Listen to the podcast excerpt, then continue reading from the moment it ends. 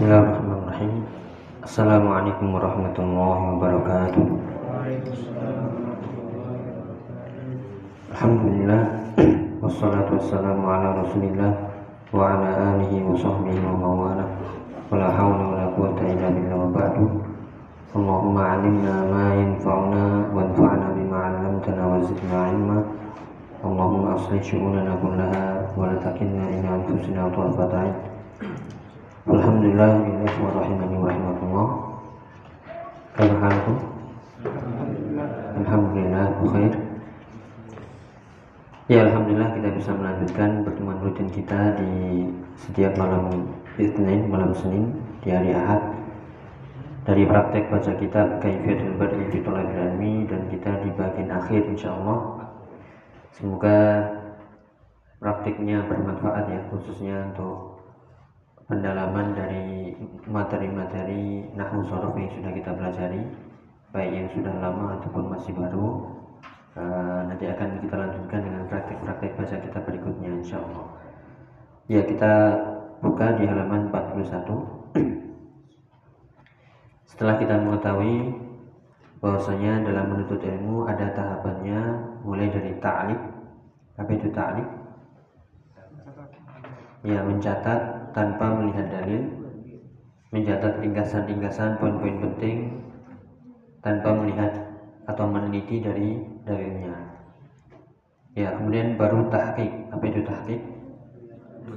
Ya, baru meneliti dalilnya mana, sumbernya mana, perkataannya dari siapa dan seterusnya. Baru setelah itu yaitu tahapan yang terakhir ad-darajatu tsalitsah ma yusamma bi at-tadqiq Silakan dibaca at-tadqiqu huwa. At-tadqiqu wa an taghufa an ta'ri an ta'rifa mas'alata ma'a dalilaha nah, ada ma'a di kasroh ma'a dan ma'a dali li. Daliliha ma'a khilafi. Ya. Su'an Sawa'un. sawa'un kana khilafan.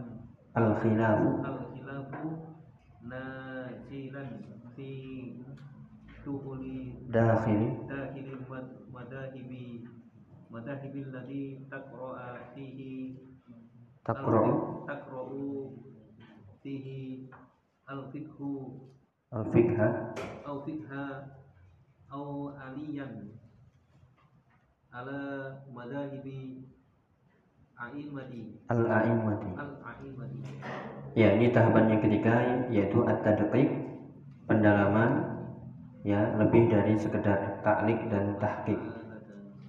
Ya dan ini biasanya bisa kita terapkan di cabang ilmu apa ini kira-kira?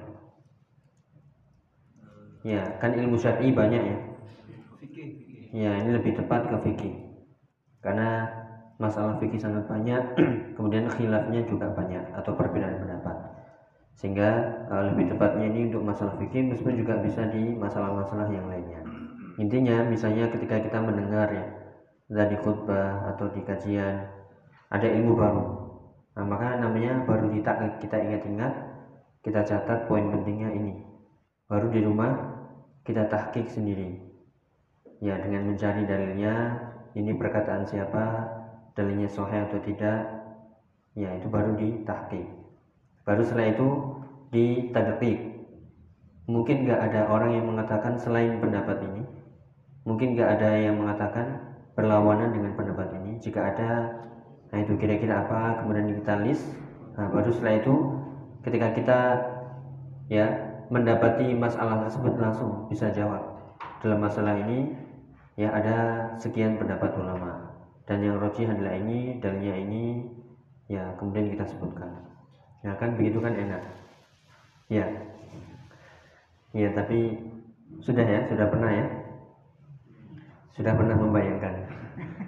Ya jadi itu uh, kita ulangi yaitu di taklik semua ilmu-ilmu baru yang kita dengar yaitu kita taklik kita catat ya kita ingat-ingat tanpa mengetahui dalilnya dulu baru setelah itu kita tahqiq kita cari sumber dalilnya ya baik dari Al-Quran Sunnah. Kita cek dalilnya sahih atau tidak benar atau tidak. Kemudian pendalilannya benar atau tidak. Baru setelah itu kita tadqiq kita perdalam lagi. Jika mungkin ada pendapat lain yang berlawanan dengan pendapat ini ya kita tulis juga. Kemudian uh, atau ada pendapat-pendapat lain yang mirip. Ini perkataan siapa dalilnya mana? Baru setelah itu nah berarti kita telah menyelesaikan tahapan tahapan ini. Ya itu intinya. Jadi huwa anta rifa kenapa dibaca ta'rifa? Ya sudah pahami. Huwa anta rifal mas'alata. Kenapa ta? Maf'ulun bi. Daliliha ma'al khilaf. Yang tadi sudah uh, kita isyaratkan yaitu anta rifal mas'alah. Yaitu engkau mengetahui masalah ma'a daliliha bersama dalilnya ma'al khilaf dan juga perbedaan pendapatnya. Ya ini butuh duduk manis ya duduk manis catat. Dan ini uh, butuh ketekunan. Kalau tidak ya kita kalah ya. nah makanya nanti uh, kita coba ya. Uh, insya Allah ini pertemuan terakhir. Ada lagi kitab yang bagus namanya yang sudah kita share tadi manhajun yaum manhajun yaumiyun fi talabil ilmi atau li talabil ilmi li talabil ilmi yaitu metode harian yang harus dilakukan oleh penuntut ilmu. Dari karangan Syekh Muhammad bin Shalih Al Utsaimin insyaallah. Jadi kita akan sibuk dengan apa? Ya rutinitas aktivitas talibul ilmi. Ya mendengar mencatat mendengar mencatat begitu. Kalau mau jadi benar-benar salafi ya. Yaitu penuntut ilmu yang mengikuti manhaj salaf. Baik, kemudian sawa'un kana khilafu nazilan fi dakhil madhab sawa'un kana itu maksudnya adalah sama saja. Apakah khilafnya itu nazilan turun atau ada fi dakhil madhab di madhab itu sendiri? Ya misalnya madhab syafi'i ternyata kok beda-beda pendapatnya. Nah ini bisa jadi, makanya tadi kita sebut pas untuk masalah fikih. Karena bisa jadi dalam satu madhab juga ada beberapa pendapat.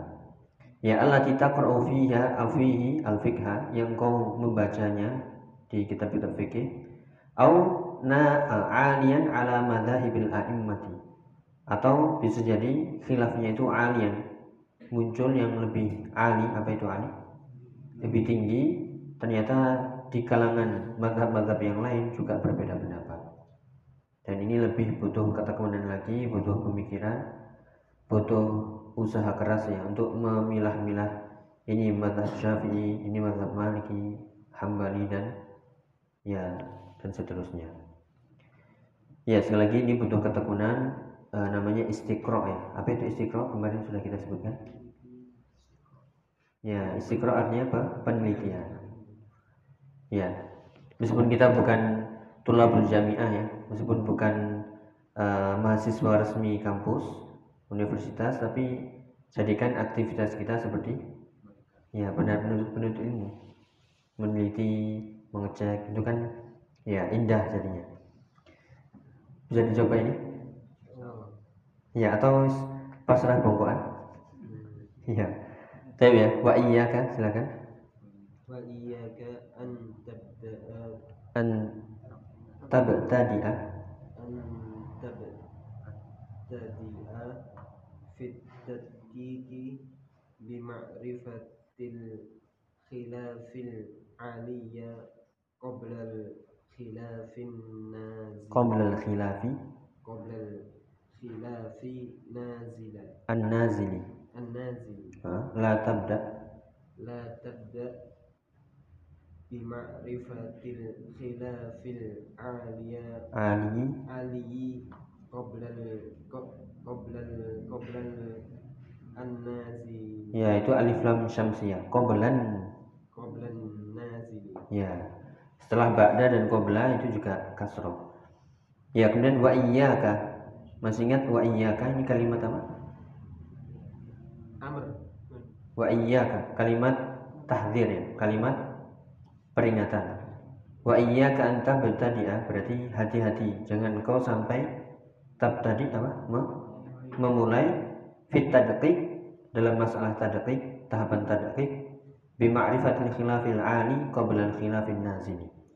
Yaitu ternyata pen, pentadqiqannya dimulai dengan mengetahui khilaf yang antar madhab dahulu padahal khilaf di dalam intern madhab sudah ada berarti jangan langsung yaitu ke khilaful ali sebelum khilaf nazil ya karena nanti akan bingung yaitu terlalu tinggi jadinya. Padahal yang di dalam belum dikuasai. La tabda bi ma'rifatil khilafil ali qabla nazil maka janganlah engkau ya mengetahui khilaf ali terlebih dahulu. Nah, ini bisa jadi nanti tambah me, ini apa mempersulit diri ya sehingga kesulitan padahal uh, di intern itu sudah ada atau di dalam madhab uh, itu sendiri sudah ada khilafnya. Maka harus diselesaikan dulu yang nazil baru setelah itu yang a ali iya sekali lagi ini hanya di bidang fikih ya lebih cocok untuk bidang fikih. Kemudian meskipun akidah juga ada ya akidah terutama kalau kita membahas apa ini kalau akidah? Ya tentang uh, akidah dari uh, al firqah firqah yang yang bola. Seperti masalah asma wa sifat ya. Kemudian uh, di situ ada uh, madhab asyairah ya sunnah wal jamaah jahmiyah dan juga ya bisa maturidiyah dan juga ini uh, mu'tazilah. Ya bisa jadi ada khilafnya langsung ali ya. Kalau di kalangan ahlu sunnah sepakat tidak ada khilaf dalam masalah asma wa sifat. Ya, berikutnya li'annal khilafah li'annal khilafah nazala an-nazila. an-nazila huwa fi ghalibi fi tahqiqi manatu manatu. manati la fi tahrijuhu. Tahrijihi. Tahrijihi. Ya ada fi-nya di kasroh ya li'annal khilafan nazili karena khilaf nazil apa ini kita sebut tadi khilaf intern ya. Khilaf intern huwa fil ghalib. Itu ghalib apa artinya? Kebanyakan. Fi tahqiqil manati la fi takhrijihi kebanyakan dalam menentukan ya penelitian dalam masalah manat. Masih ingat manat kemarin? Ya manat itu apa? Sumber? Sumber penyebab. Ya sumber penyebabnya atau sumber ilahnya. Kenapa kok e, masalah ini menjadi seperti ini. Itu ada manatnya tahqiqul manat. Ada sumber ilahnya. Ya se se seperti kemarin atau di kesempatan yang lainnya misalnya khomer itu hukumnya apa? Haram. Dalilnya? Ya dari Al-Quran dan Sunnah pokoknya gitu ya. Ya kemudian manatnya itu apa? Ya sumber penyebabnya itu apa? Karena? Ya karena meru karena memabukkan Ya, karena memabukkan, memabukkan. Dan kenapa yang memabukkan kok haram? Karena iya menghilangkan akal. Itu sumber manatnya. Jadi harus tahu uh, sumber-sumbernya. Meskipun dalil sudah cukup. Misalnya zina misalnya, naudzubillah. Zina hukumnya haram. Dalilnya wala taqrabu zina. Kemudian kenapa kok diharamkan? Ya, um, yaitu merusak nasab ya merusak nasab kehormatan dan lain sebagainya. Dan juga timbul penyakit-penyakit. Ya jadi uh, ada manatnya tahqiqul manat. Sebabnya itu apa? Ya dan contoh-contoh yang lain seperti itu uh, dalam pembahasan uh, tahqiqul manat. Jadi harus tahu sumber penyebabnya. Ya la fi takhrijihi. Bukan untuk dalam istilahnya takhrij apa ini? Ya mengeluarkannya ya mengeluarkan uh, khilaf-khilafnya bukan tapi untuk nazil itu adalah intinya atau uh, pemulanya. Tahapan pertamanya adalah harus mengetahui apa? Tahqiqul mana tadi sumber ilahnya. Sekali lagi ya uh, contoh tahqiqul mana ya, yang, yang bisa mudah kita cerna uh, contoh lain misalnya riba ya. Riba kenapa haram? Ya karena dilarang Al-Quran dan Sunnah Ya, kenapa terus kok dilarang ini? Karena tahqiqul manatnya ya, karena dia uh, ada bisa jadi ya, tahqiqul manat bisa jadi karena merusak harta. Kemudian karena zolim, karena mengambil harta secara batil ya. Tapi di antara ini yang paling tepat apa kira-kira? Iya kenapa dilarang? Karena ya karena itu tadi merusak harta yang seperti kita sebutkan kemarin kembali ke maqasidus syariah. Ya kembali ke tujuan dari syariat itu adalah menjaga lima apa? Ya yaitu kehormatan, nyawa, harta, nasab, dan ya kehormatan itu seperti zina kemudian harta ya pencurian riba dan sebagainya nyawa pembunuhan Eh, kehormatan ya zina. Dan nasab tadi? Ya sama. Jadi itu. Jadi eh, dari sinilah nanti muncul eh, hukum-hukum ya yang tujuannya semuanya menjaga lima itu tadi. Namanya uh, maqasidus syariah. Itu dikembalikan tujuan-tujuan syariat aturan itu untuk menjaga lima itu. Itu namanya apa? Tahqiqul mana. Dan ini juga kadang berselisih pendapat ya. Eh, untuk menentukan tahqiqul manat ini yang dikatakan oleh uh, ulama usul fikih adalah pelajaran yang paling berat untuk menentukan apa? Illah ya nanti aja ya. Ya nggak usah ya. karena masih ingat dulu waktu uh, di Libya ini pelajaran yang berat dari usul fikih itu adalah tahqiqul manat. Untuk menentukan ilahnya.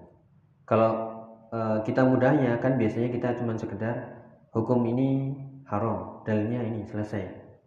Itu kan? Atau kadang kita cuman hukumnya haram dalilnya apa? Pokoknya itulah ya haram ya.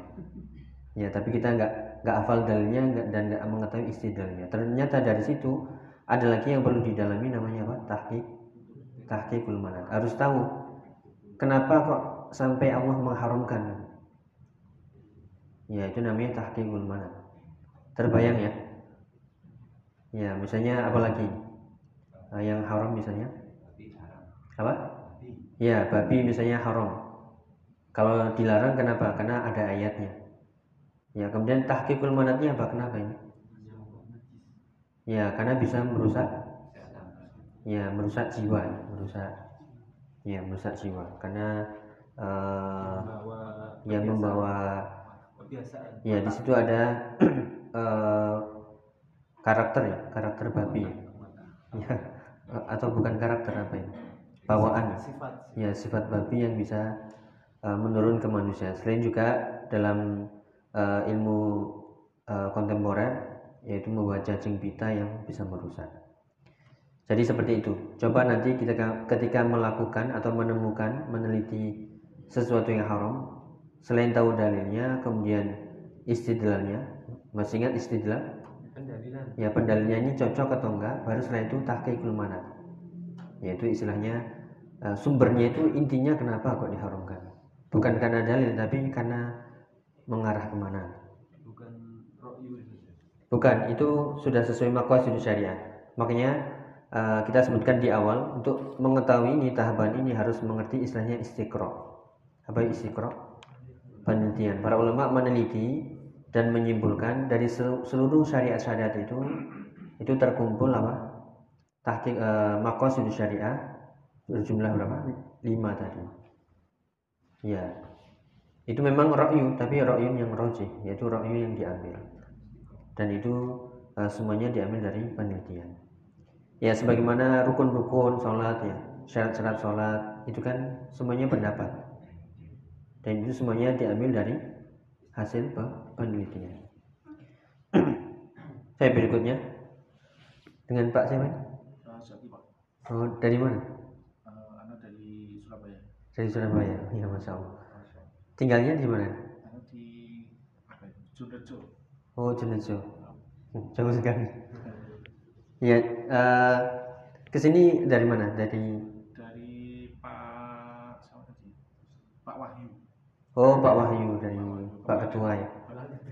Baru sepekan ikut kajian Ustaz. Oh gini gini Nih monggo. Uh, ini kita setiap hari Ahad nih uh, praktek baca kitab.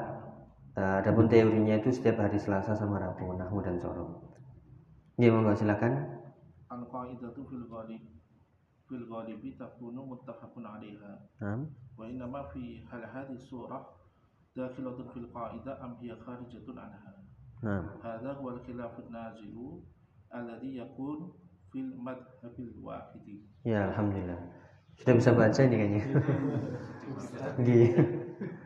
Nggih, jadi eh, lanjutannya al-qaidatu kaidahnya adalah ya ini al-qaidatul fil ghalib. Apa tadi fil ghalib? Ya, dalam kebanyakan yang biasanya dipakai itu adalah takunu muttafaqun 'alaiha. Yaitu kaidah dalam menentukan tahqiqul mana biasanya muttafaqun 'alaiha. Sudah disepakati kayak tadi ya misalnya eh, riba mengarahnya ke menjaga ya harta sudah selesai kemudian pembunuhan. Nggak boleh karena mengarah ke menjaga nyawa. dan begitu seterusnya. Wa innama fi hal hadhihi surah dakhilatun fil qaidah am hiya kharijatun minha. Nah ini pembahasannya agak rumit ya. Eh, akan tapi di sini apakah bentuk-bentuk itu dakhilatun? Apa dakhilatun? Ya masuk di kaidah ataukah ataukah dia di luar kaidah Hadza huwal khilafun nazil alladhi yakunu fil madhabil wahid. Itulah uh, khilaf intern kita bahasakan seperti itu alladhi yakunu fil madhabil wahid. Yang itu terjadi hanya di satu madhab saja. Jadi intinya tadqiq itu adalah penelitian dengan mengetahui khilaf, tapi sebelum khilaf yang panjang lebar ya, ketahui dulu khilaf intern, terutama mengetahui tahqiq al-manat. Ya, kita ambil contoh ya biar mudah. Misalnya kita mendengar eh, ya mencuri itu haram. Nah, kita catat misalnya. Atau apa contohnya ini misalnya? Apa misalnya narkoba ya? Narkoba haram. Ya, kita catat narkoba haram. Itu baru apa? Ya, baru taklik. Kemudian setelah kita yakini oh ya benar, berarti harus tahu dalilnya. Ya, kita mencari dalil dari Al-Qur'an, Sunnah. Ya, kemudian eh, pendalilnya seperti apa? Nah, ini baru namanya tahqiq. Ya, kemudian kita ingin terdekik lebih dalam lagi. Kenapa kok diharamkan ini? Kenapa? Ternyata itu mengarah ke penjagaan terhadap kalau narkoba menjaga ya menjaga akal. Nah, dari sinilah baru kita ketahui secara dalam mendetail baru ya berarti kita sudah men mentadqiq. Ya. Kemudian kalau misalnya ada khilaf, ya khilaf intern tadi dalam masalah tahqiqul manat ya, menentukan eh, sumber penyebabnya. Ya, bisa jadi dalam satu masalah eh, hanya ada di nazil saja, bisa jadi khilaf apa tadi alinya nggak ada, atau kadang khilaf alinya ada di madhab yang yang lain. Jadi itu. Bisa kasih contoh yang lain misalnya dalam masalah apa? Iya, kunut. Iya. Kunut haram atau apa ini? Atau sunnah? Iya, misalnya ya. Kunut misalnya. Eh, itu kan eh, hukumnya apa? Ini hukumnya aja udah udah khilaf. Ada yang mengatakan sunnah, ada yang mengatakan bid'ah. Ya, kita catat dulu. Ya, kita catat, kemudian kita tahqiq. Ditahqiq yang mengatakan sunnah mana dalilnya, yang mengatakan bid'ah mana. Ya, kemudian ditarjih, dirojihkan mana yang lebih kuat. Itu baru ya baru tahqiq ya. Kalau mau tadqiq, ya silakan diteliti ini kok bisa ya diharamkan mengapa, kok bisa disunahkan mengapa, intinya di mana. Ya, kemudian khilaf-khilaf yang lain apakah ada atau tidak. Nah, ini butuh ketekunan ya, butuh ya butuh waktu dan terutama harus punya bekal-bekal ilmu. Dan bekal utamanya adalah bahasa Jawa bahasa Arab ya. Makanya harus mengerti bahasa Arab. Ya kalau terjemahan nggak akan mungkin ya garing rasanya. Karena mengetahui dalil cuman apa? Artinya saja. Nggak sampai dalam-dalamannya cuman kulitnya saja. Ya seolah-olah makan buah makan kulitnya saja lagi. Apalagi kalau buahnya buah durian. Kulitnya saja. Ya paham ya? Insya Allah seperti itu mudahnya Eh, silakan dicoba. Setiap mendengar sesuatu oh ya kita masukkan. Ya itu na- namanya baru ta'lik kalau ingin tahu dalilnya baru ditahqiq. Kalau ingin lebih dalam lagi meng- mengetahui tahqiqul manat itu baru namanya tadqiq ya wallahu a'lam bishawab. Lanjut amal khilaful ali. Amal khilaful ali fal ghalibu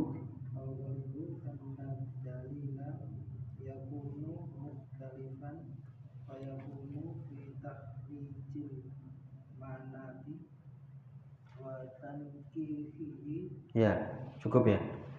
Ya ini sebenarnya pembahasan usul ya ini. Eh, kalau apa ini, ini kita hanya latihan saja ya. Eh, karena ini pembahasannya dalam pembahasan usul fikih yang agak dalam memang.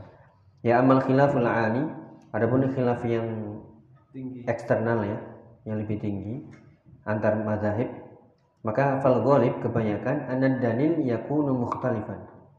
Bisa jadi dalilnya itu mukhtalif apa? berselisih berbeda. Fayakunu fi takhrijil manat wa tanqihihi. Dan juga yaitu terjadi dalam ya merincikan tahqiqul manat. Mana tadi apa? Ya, penyebab-penyebabnya dan menyaringnya. Ya, makanya gambarannya tadi ya. Eh, ini nggak apa-apa kita jelaskan, eh, semoga bisa dipahami sesederhana mungkin ya. Misalnya tadi masalah riba ya. Eh, kita ingin mentakhrij manatnya ya kita ingin menentukan sebabnya. Ada yang mengatakan riba itu karena apa? Eh, merusak harta. Kemudian ada kezaliman kemudian ada apa lagi? Ya ada penggandaan. Ya itu. Nah, kita menentukan hal seperti itu harus mengetahui ya manatnya. Nah, untuk seperti ini kadang ya harus diteliti kemudian disaring mana yang lebih lebih tepat. Ya dan itu sekali lagi pembahasan yang agak rumit belum waktunya memang. Ya makanya ini cukup kita mengetahui tadakik itu pendalaman berserta dalil dan beserta apa? Fi- Khilaf itu aja. Ya fatakunul qaidatu silakan.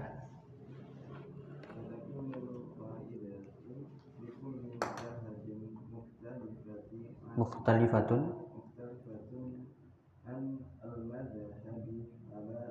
al-akhir. Al-akhir. Ya, bal la rubbama madhabi madhhabani Heeh. al-fiqhiyani yaroyani ro'yan iya. wa hidan fi mas'alati wahidati walakin. Walakin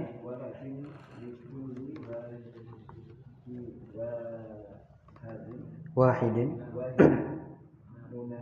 Minhuma. Minhuma manatun yukhalifu. Yukhalifu manatun manata. Tsaniyah. Ya ini uh, eh, sekedar informasi aja ya. Jadi uh, kesimpulannya fatakunul qaidatu li kulli madhhabin mukhtalifatun 'anil madhhabil akhar. Ya bisa jadi kaidah yang digunakan dalam setiap madhab itu berbeda dengan madhab yang yang lain. Ini sekali lagi untuk masalah fikih. Bal rubbama kana al-madhhabanil fiqhiyani yarayani ra'yan wahidan fi mas'alatin wahidah. Bisa jadi ya dalam dua madhab misalnya madhab syafi'i dan madhab maliki. Dalam satu masalah pendapatnya sama. Misalnya sama-sama haram misalnya. Ya. Dalam satu masalah mengatakan sama-sama hukumnya sunnah. Ya sama-sama boleh. Walakin likulli wahidin minhuma manatun yukhalifu manatathani tapi bisa jadi dalam setiap madhab itu ternyata manatnya berbeda. Ya ada gambaran ya? Seperti tadi misalnya riba sama-sama mengatakan haram tapi satu mengatakan manatnya itu adalah merusak harta. Tapi satu mengatakan manatnya itu adalah ya zolim bisa jadi seperti itu. Itu yang terlalu dalam ya. Ini pembahasan yang terlalu dalam. Nah, kalau pembahasan manat seperti itu. Bal ya lanjut. Bal inna. Silakan. Lakin kullu wahidin minhuma yang yubtilu yubtilu mana sohi sohibihi lakin an-natijata Ya, bal inna kulla wahidin minhuma yubtilu. Bahkan setiap dari mereka itu yubtilu. Yubtilu apa? Membatalkan, menyalahkan, ya, eh, manat dari ya sebelahnya, manat dari uh, temannya dari mazhab yang lain. Akan tapi natijahnya itu sama satu. Ya bisa jadi ya masalah riba misalnya. Uh, semuanya sepakat mengatakan haram, tapi satu mazhab mengatakan itu manatnya adalah merusak harta. Satu lagi karena kezaliman. Satunya saling menjatuhkan. Enggak ini enggak tepat, ini tepat. Tapi ujung-ujungnya hasilnya sama. Ya, ini bukan pekerjaan yang enggak ada kerjaan ya. Ini penelitian yang lebih mendalam karena uh, menyangkut tahqiqul manat. Ya, menyangkut pencarian dari sumber sebab dari suatu masalah. Ya sekali lagi ini di usul fikih ya uh, bagi yang sudah punya bekal-bekal ilmu syar'i yaitu bisa mencerna ini. Ya, ada gambaran ya? Ya, meskipun sedikit. Misalnya apa lagi nih? Biar ada biar nggak ngambang nih. Misalnya masalah apa? Apa? Ya persinahan misalnya. Persinahan uh, misalnya semuanya sepakat mengatakan ya haram, nggak ada yang mengatakan.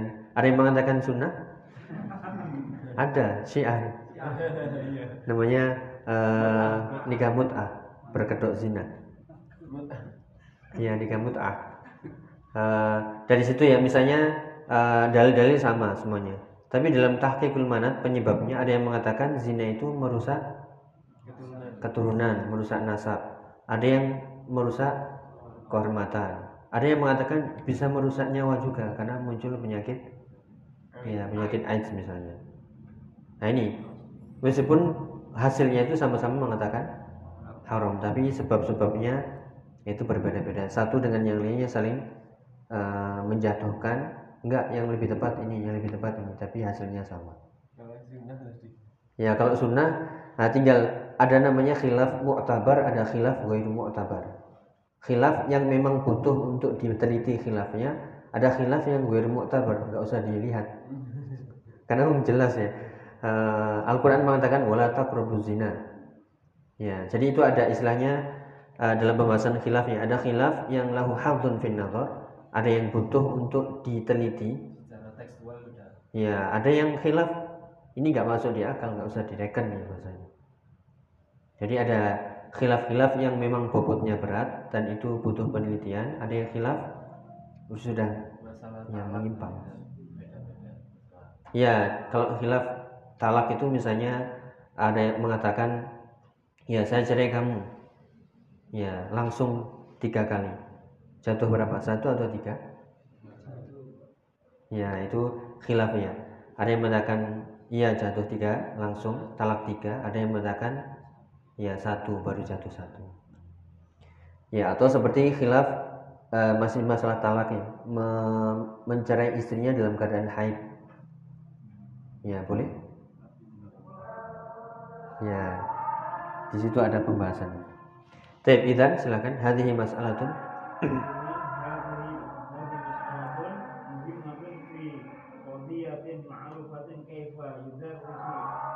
Kaifa yadrusu khilafa khilafa wa kaifa ya. Oh iya. Wa kaifa yadrusu li apa? ليس هذا مقامه لأن الحديث طويل فيها Oh iya. Afan tadi ya yudros ya benar sudah benar. Kita ulangi ya. Idan hadhihi mas'alatun muhimmatun fi qadiyatin fi qadiyati ma'rifah. Yaitu itu semuanya diidhafahkan ya. Idan uh, sehingga hadhihi mas'alatun muhimmah. Ini adalah masalah yang penting fi qadiyati ma'rifati kaifa yudrasul khilafu tadi yang benar bacanya. Kenapa dibaca khilafu? Ya, karena ada kata yudros di situ bentuknya majhul butuh naibul fa'il. Ya, idan hadi masalah ini adalah masalah yang penting dalam masalah mengetahui bagaimana mempelajari khi- khilaf.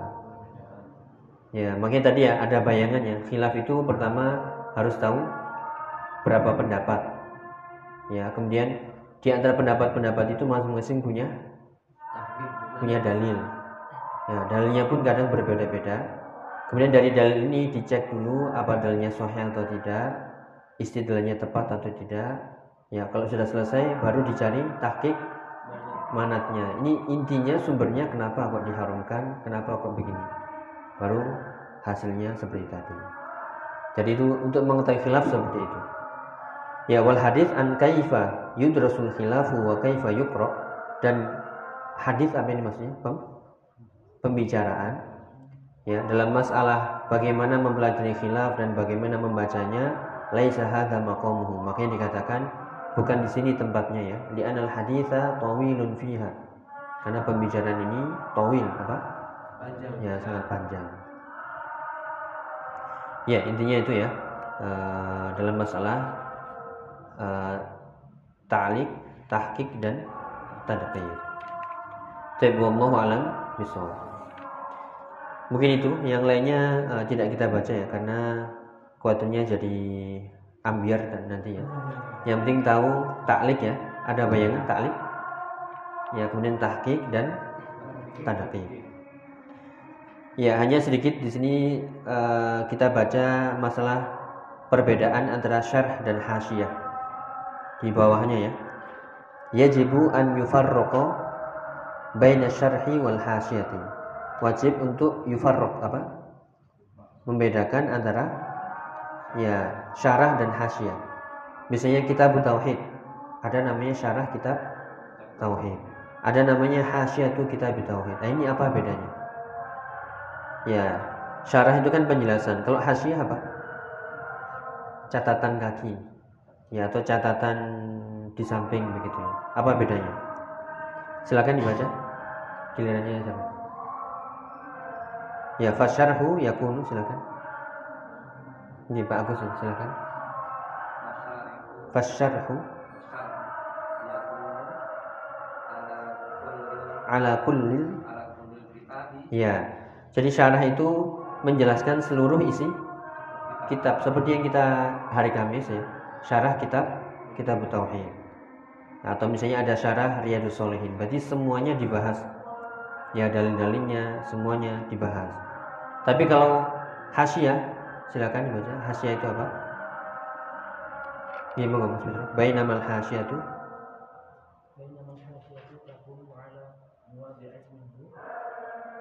wahada ya adapun hasya itu eh, penjelasannya hanya di poin-poin tertentu.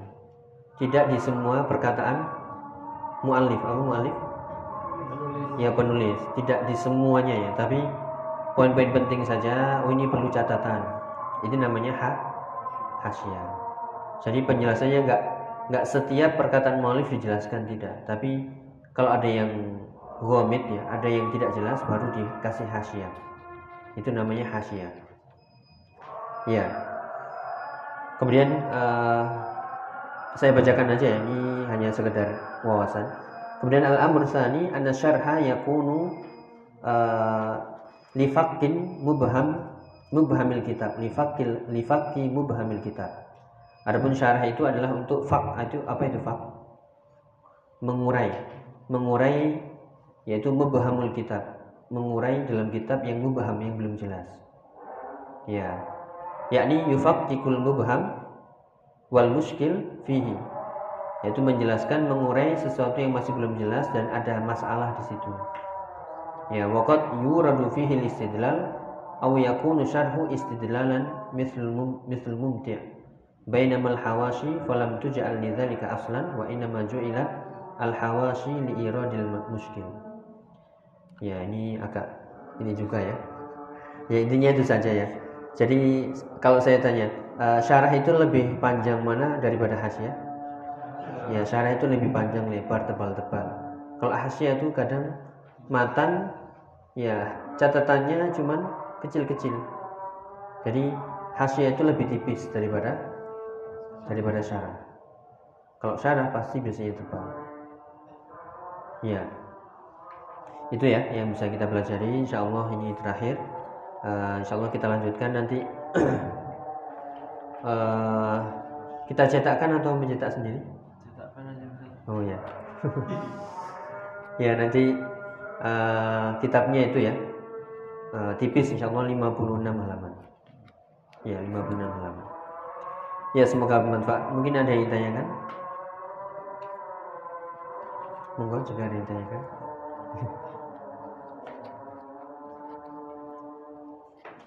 Tapi ya, kita akhiri.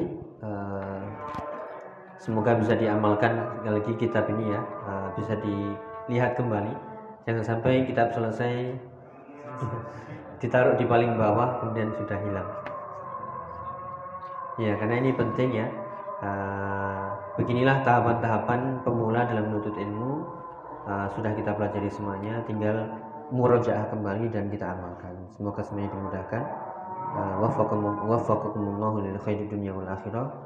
Kama nas'alu an yuwaffiqana lil ilmin nafi' wal Subhanakallah wa bihamdika asyhadu an la ilaha illa anta astaghfiruka wa atubu ilaik. Wassalamualaikum warahmatullahi wabarakatuh.